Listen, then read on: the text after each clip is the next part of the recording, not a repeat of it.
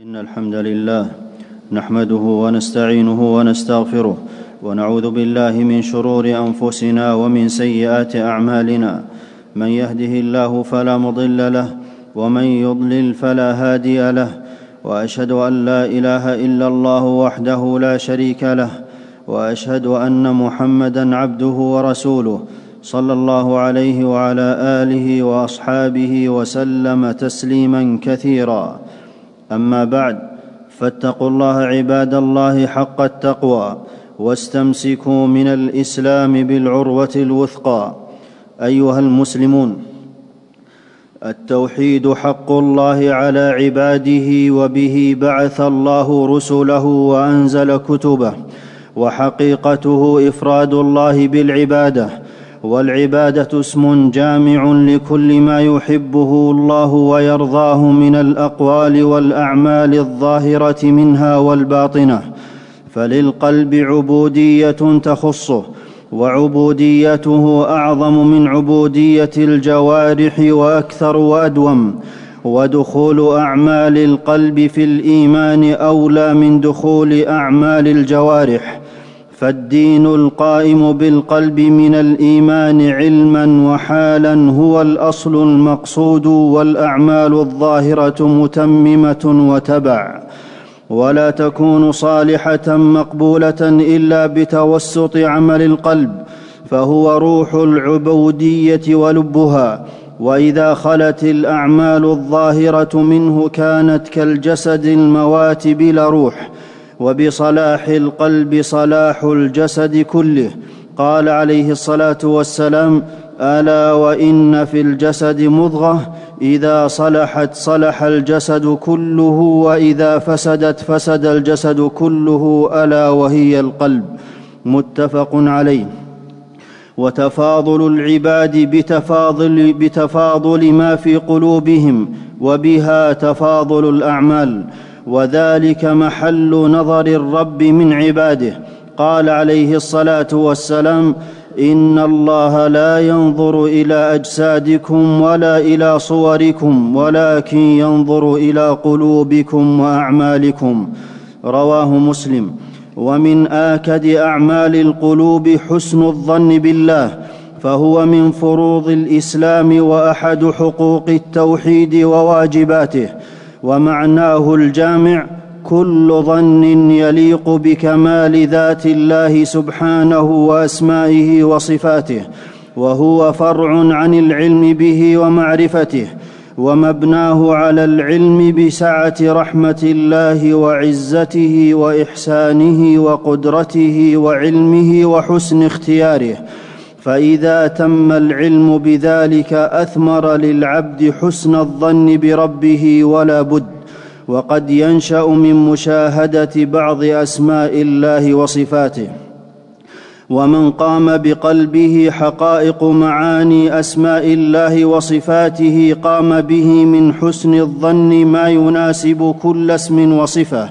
لأن كل صفة لها عبودية خاصة وحسن ظن خاص بها وكمال الله وجلاله وجماله وإفضاله على خلقه موجب حسن الظن به جل وعلا. وبذلك أمر الله عباده في قوله وأحسنوا إن الله يحب المحسنين. قال سفيان الثوري رحمه الله أحسنوا الظن بالله وأكد النبي صلى الله عليه وسلم قبل موته على ذلك لعظيم قدره. قال جابر رضي الله عنه سمعت رسول الله صلى الله عليه وسلم قبل موته بثلاثة أيام يقول لا يموتن أحدكم إلا وهو يحسن الظن بالله عز وجل. رواه مسلم. وقد امتدح الله عباده الخاشعين بحسن ظنهم به وجعل من عاجل البشرى لهم تيسير العبادة عليهم وجعلها عونا لهم. قال سبحانه واستعينوا بالصبر والصلاة وإنها لكبيرة إلا على الخاشعين الذين يظنون أنهم ملاقو ربهم وأنهم إليه راجعون وقد نال الرسل عليهم السلام المنزلة الرفيعة في معرفتهم بالله ففوضوا أمورهم إليه حسن ظن منهم بربهم. فإبراهيم عليه السلام ترك هاجر وابنها إسماعيل عند البيت وليس بمكة يومئذ أحد وليس بها ماء ثم, إبر ثم ولى إبراهيم منطلقا فتبعته هاجر عليه السلام وعليها السلام وقالت يا إبراهيم أين تذهب وتتركنا بهذا الوادي الذي ليس فيه إنس ولا شيء؟ فقالت له ذلك مرارا وجعل لا يلتفت إليها فقالت له آه الله الذي أمرك بهذا؟ قال نعم قالت اذا لا يضيعنا. رواه البخاري. فكان من عاقبة حسن ظنها بالله ما كان فنبع ماء مبارك وعمر البيت وبقي ذكرها خالدا وصار إسماعيل نبيا ومن ذريته خاتم الأنبياء وإمام المرسلين. ويعقوب عليه السلام فقد ابنين له فصبر وفوض أمره لله وقال إنما أشكو بثي وحزني إلى الله وبقي قلبه ممتلئا بحسن الظن بالله وأنه خير الحافظين وقال عسى الله أن يأتيني بهم جميعا إنه هو العليم الحكيم وأمر عليه السلام ابناءه بذلك وقال يا بني يذهبوا فتحسسوا من يوسف وأخيه ولا تيأسوا من روح الله إنه لا ييأس من روح الله إلا القوم الكافرون. وبنو إسرائيل لحقهم من الأذى ما لا يطيقون ومع عظم الكرب يبقى حسن الظن بالله فيه الأمل والمخرج. فقال موسى عليه السلام لقومه استعينوا بالله واصبروا إن الأرض لله يورثها من يشاء من عباده والعاقبة للمتقين. قالوا أوذينا من قبل أن تأتينا ومن بعد ما جئتنا. قال عسى ربكم أن يهلك عدوكم ويستخلفكم في الأرض فينظر كيف تعملون. واشتد الخطب بموسى عليه السلام ومن معه فالبحر أمامهم وفرعون وجنده من ورائهم وحينها قال أصحاب موسى إنا لمدركون. فكان الجواب من النبي الكليم شاهدا بعظيم ثقته بالله وحسن ظنه بالرب القدير. قال كلا إن معي ربي سيهدين. فأتى الوحي بما لا يخطر على بال فأوحينا إلى موسى أن اضرب بعصاك البحر فانفلق فكان كل فرق كالطود العظيم وأزلفنا ثم الآخرين وأنجينا موسى ومن معه أجمعين ثم أغرقنا الآخرين. وأعظم الخلق عبودية لله وحسن ظن به نبينا محمد صلى الله عليه وسلم. آذاه قومه فبقي واثقا بوعد الله ونصره لدينه. قال له ملك الجبال إن شئت أن أطبق عليهم الأخشبين. فقال بل أرجو أن يخرج الله من أصلابهم من يعبد الله وحده لا يشرك به شيئا. متفق عليه. وفي أشد الضيق وأحلكه لا يفارق نبينا صلى الله عليه وسلم حسن الظن بربه. أخرج من مكة وفي الطريق اوى إلى غار فلحقه الكفار وإذا وإذا بهم حوله فيقول لصاحبه مثبتا إياه لا تحزن إن الله معنا. قال أبو بكر قلت للنبي صلى الله عليه وسلم وأنا في الغار لو أن أحدهم نظر تحت قدميه لأبصرنا. فقال ما ظنك يا أبا بكر باثنين الله ثالثهما؟ متفق عليه.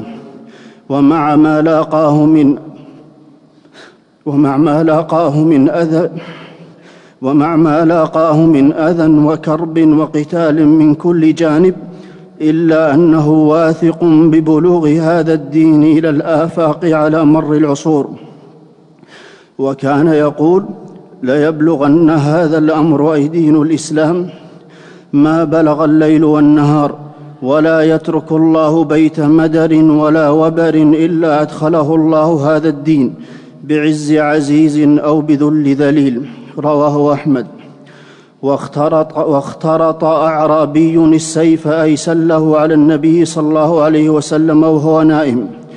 قال عليه الصلاة والسلام فاستيقظت وهو في يده صلتا أي بارزا به فقال من يمنعك مني؟ فقلت الله ثلاثا. فقلت الله. قالها ثلاثا ولم يعاقبه وجلس. رواه البخاري. وعند أحمد فسقط السيف من يده. والصحابة رضي الله عنهم أشد الخلق يقينا بحسن ظنهم بالله بعد الأنبياء. قال تعالى الذين قال لهم الناس إن الناس قد جمعوا لكم فاخشوهم فزادهم إيمانا وقالوا حسبنا الله ونعم الوكيل. جاء ابن الدغنه إلى أبي بكر رضي الله عنه ليسر في صلاته وقراءته أو يرد إليه جواره أن ينقض عهد الدفاع عنه ويمكن كفار قريش منه. فقال أبو بكر رضي الله عنه فإني أرد إليك جوارك وأرضى بجوار الله عز وجل. رواه البخاري. وقال عمر رضي الله عنه أمرنا رسول الله صلى الله عليه وسلم يوما أن نتصدق فوافق ذلك مالا عندي فقلت اليوم أسبق أبا بكر إن سبقته يوما فجئت بنصف مالي فقال رسول الله صلى الله عليه وسلم ما أبقيت لأهلك؟ قلت مثله قال وأتى أبو بكر رضي الله عنه بكل ما عنده. فقال له رسول الله صلى الله عليه وسلم ما أبقيت لأهلك؟ قال أبقيت لهم الله ورسوله. رواه أبو داود. وخديجة سيدة نساء العالمين جاءها النبي صلى الله عليه وسلم أول بدء الوحي فقال لقد خشيت على نفسي أي من الموت. فقالت خديجة كلا والله لا يخزيك الله أبدا. إنك لتصل الرحم وتحمل الكلب وتكسب المعدوم وتقري الضيف وتعين على نوائب الحق متفق عليه. وعلى هذا سار سلف الأمة.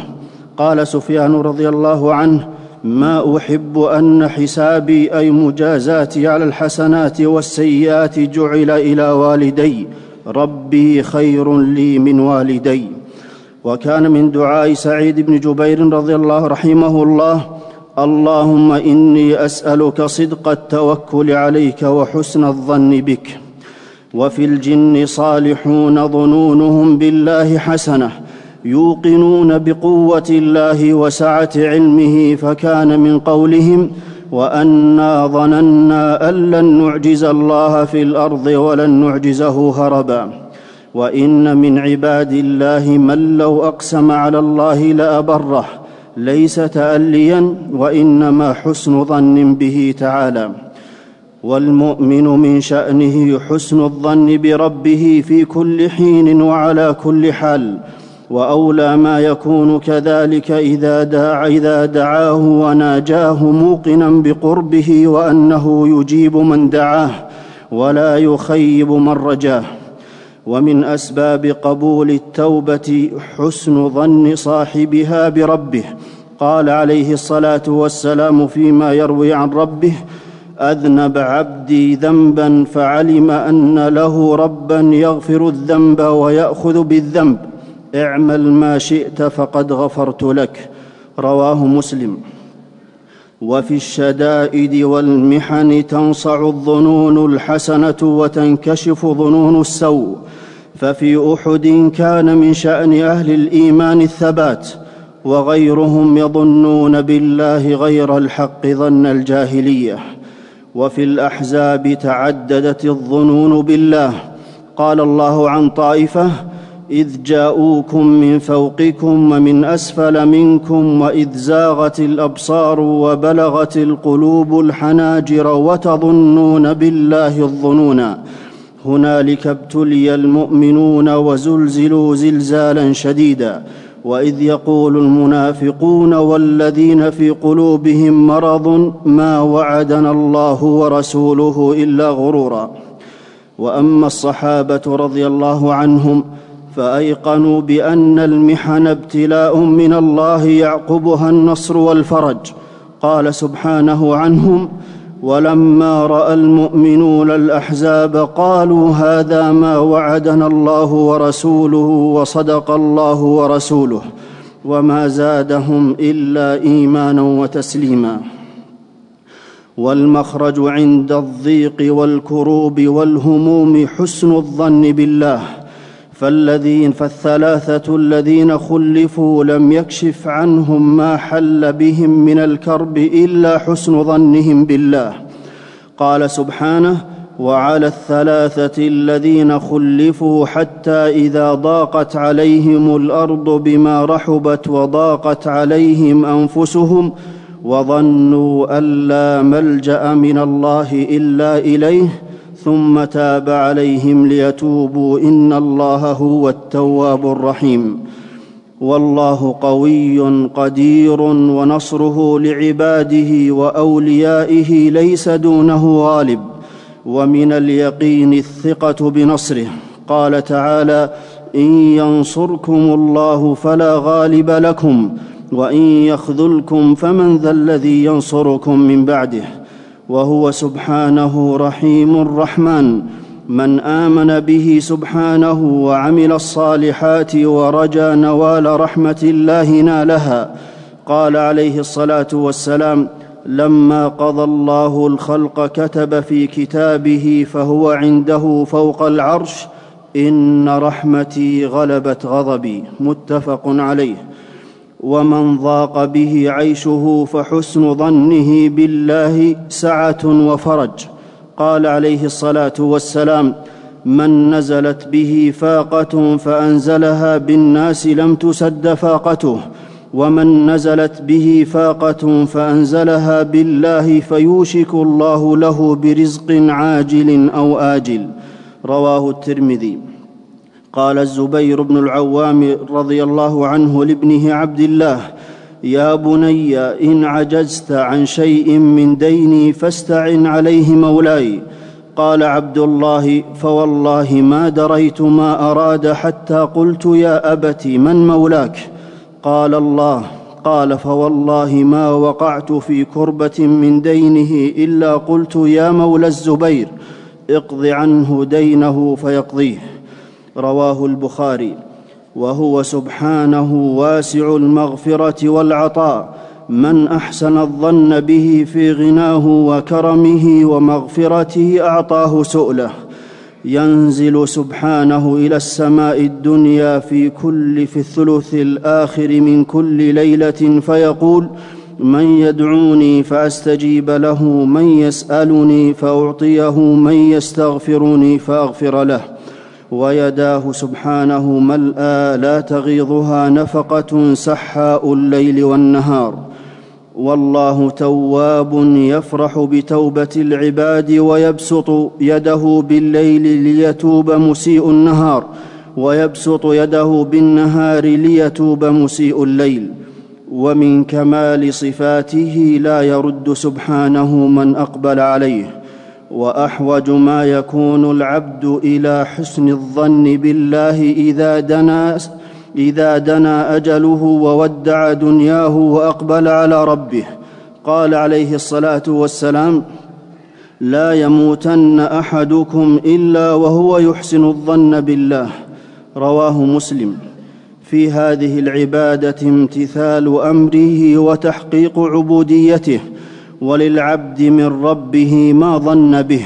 قال عليه الصلاة والسلام يقول الله أنا عند ظن عبدي بي وأنا معه إذا ذكرني. متفق عليه.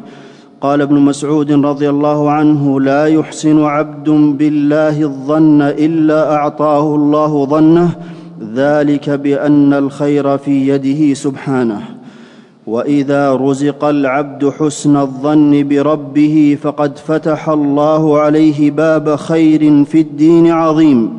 قال ابن مسعود رضي الله عنه والذي لا إله إلا هو ما أعطي عبد مؤمن شيئا خيرا من حسن الظن بالله. وأعمال الناس على قدر ظنونهم بربهم. فأما المؤمن فأحسن الظن بالله فأحسن العمل. وأما الكافر فأساء بالله الظن فأساء العمل. في هذه العبادة حسن الإسلام وكمال الإيمان وهي طريق الجنة لصاحبها. عبادة قلبية تورث التوكل على الله والثقة به. قال ابن القيم رحمه الله على قدر حسن ظنك بربك ورجائك له يكون توكلك عليه. ولذلك فسر بعضهم التوكل بحسن الظن بالله. قال والتحقيق أن حسن الظن به يدعوه إلى التوكل عليه إذ لا يتصور التوكل على من ساء ظنك به ولا التوكل على من لا ترجوه. ومن آثار هذه العبادة طمأنينة القلب والإقبال على الله والتوبة إليه. ولا أشرح للصدر ولا أوسع له بعد الإيمان من الثقة بالله ورجائه وفيه ما يدعو أهله للتفاؤل. قال عليه الصلاة والسلام لا عدوى ولا طيرة ويعجبني الفأل. متفق عليه. قال الحليمي رحمه الله التشاؤم سوء الظن بالله والتفاؤل حسن الظن بالله. هو عون لصاحبه على الكرم والشجاعة ويورثه القوة. قال أبو عبد الله الساجي رحمه الله من وثق بالله فقد أحرز قوته وهو خير الزاد ونعم العدة. قيل لسلمة بن دينار رحمه الله يا أبا حازم ما مالك؟ قال الثقة بالله واليأس مما في أيدي الناس. ومن أحسن الظن بربه سخت نفسه وجادت بماله موقنا بقول الله وما أنفقتم من شيء فهو يخلفه. قال سليمان الداراني رحمه الله من وثق بالله في رزقه زاد في حسن خلقه وأعقبه الحلم وسخت نفسه في نفقته وقلت وساوسه في صلاته.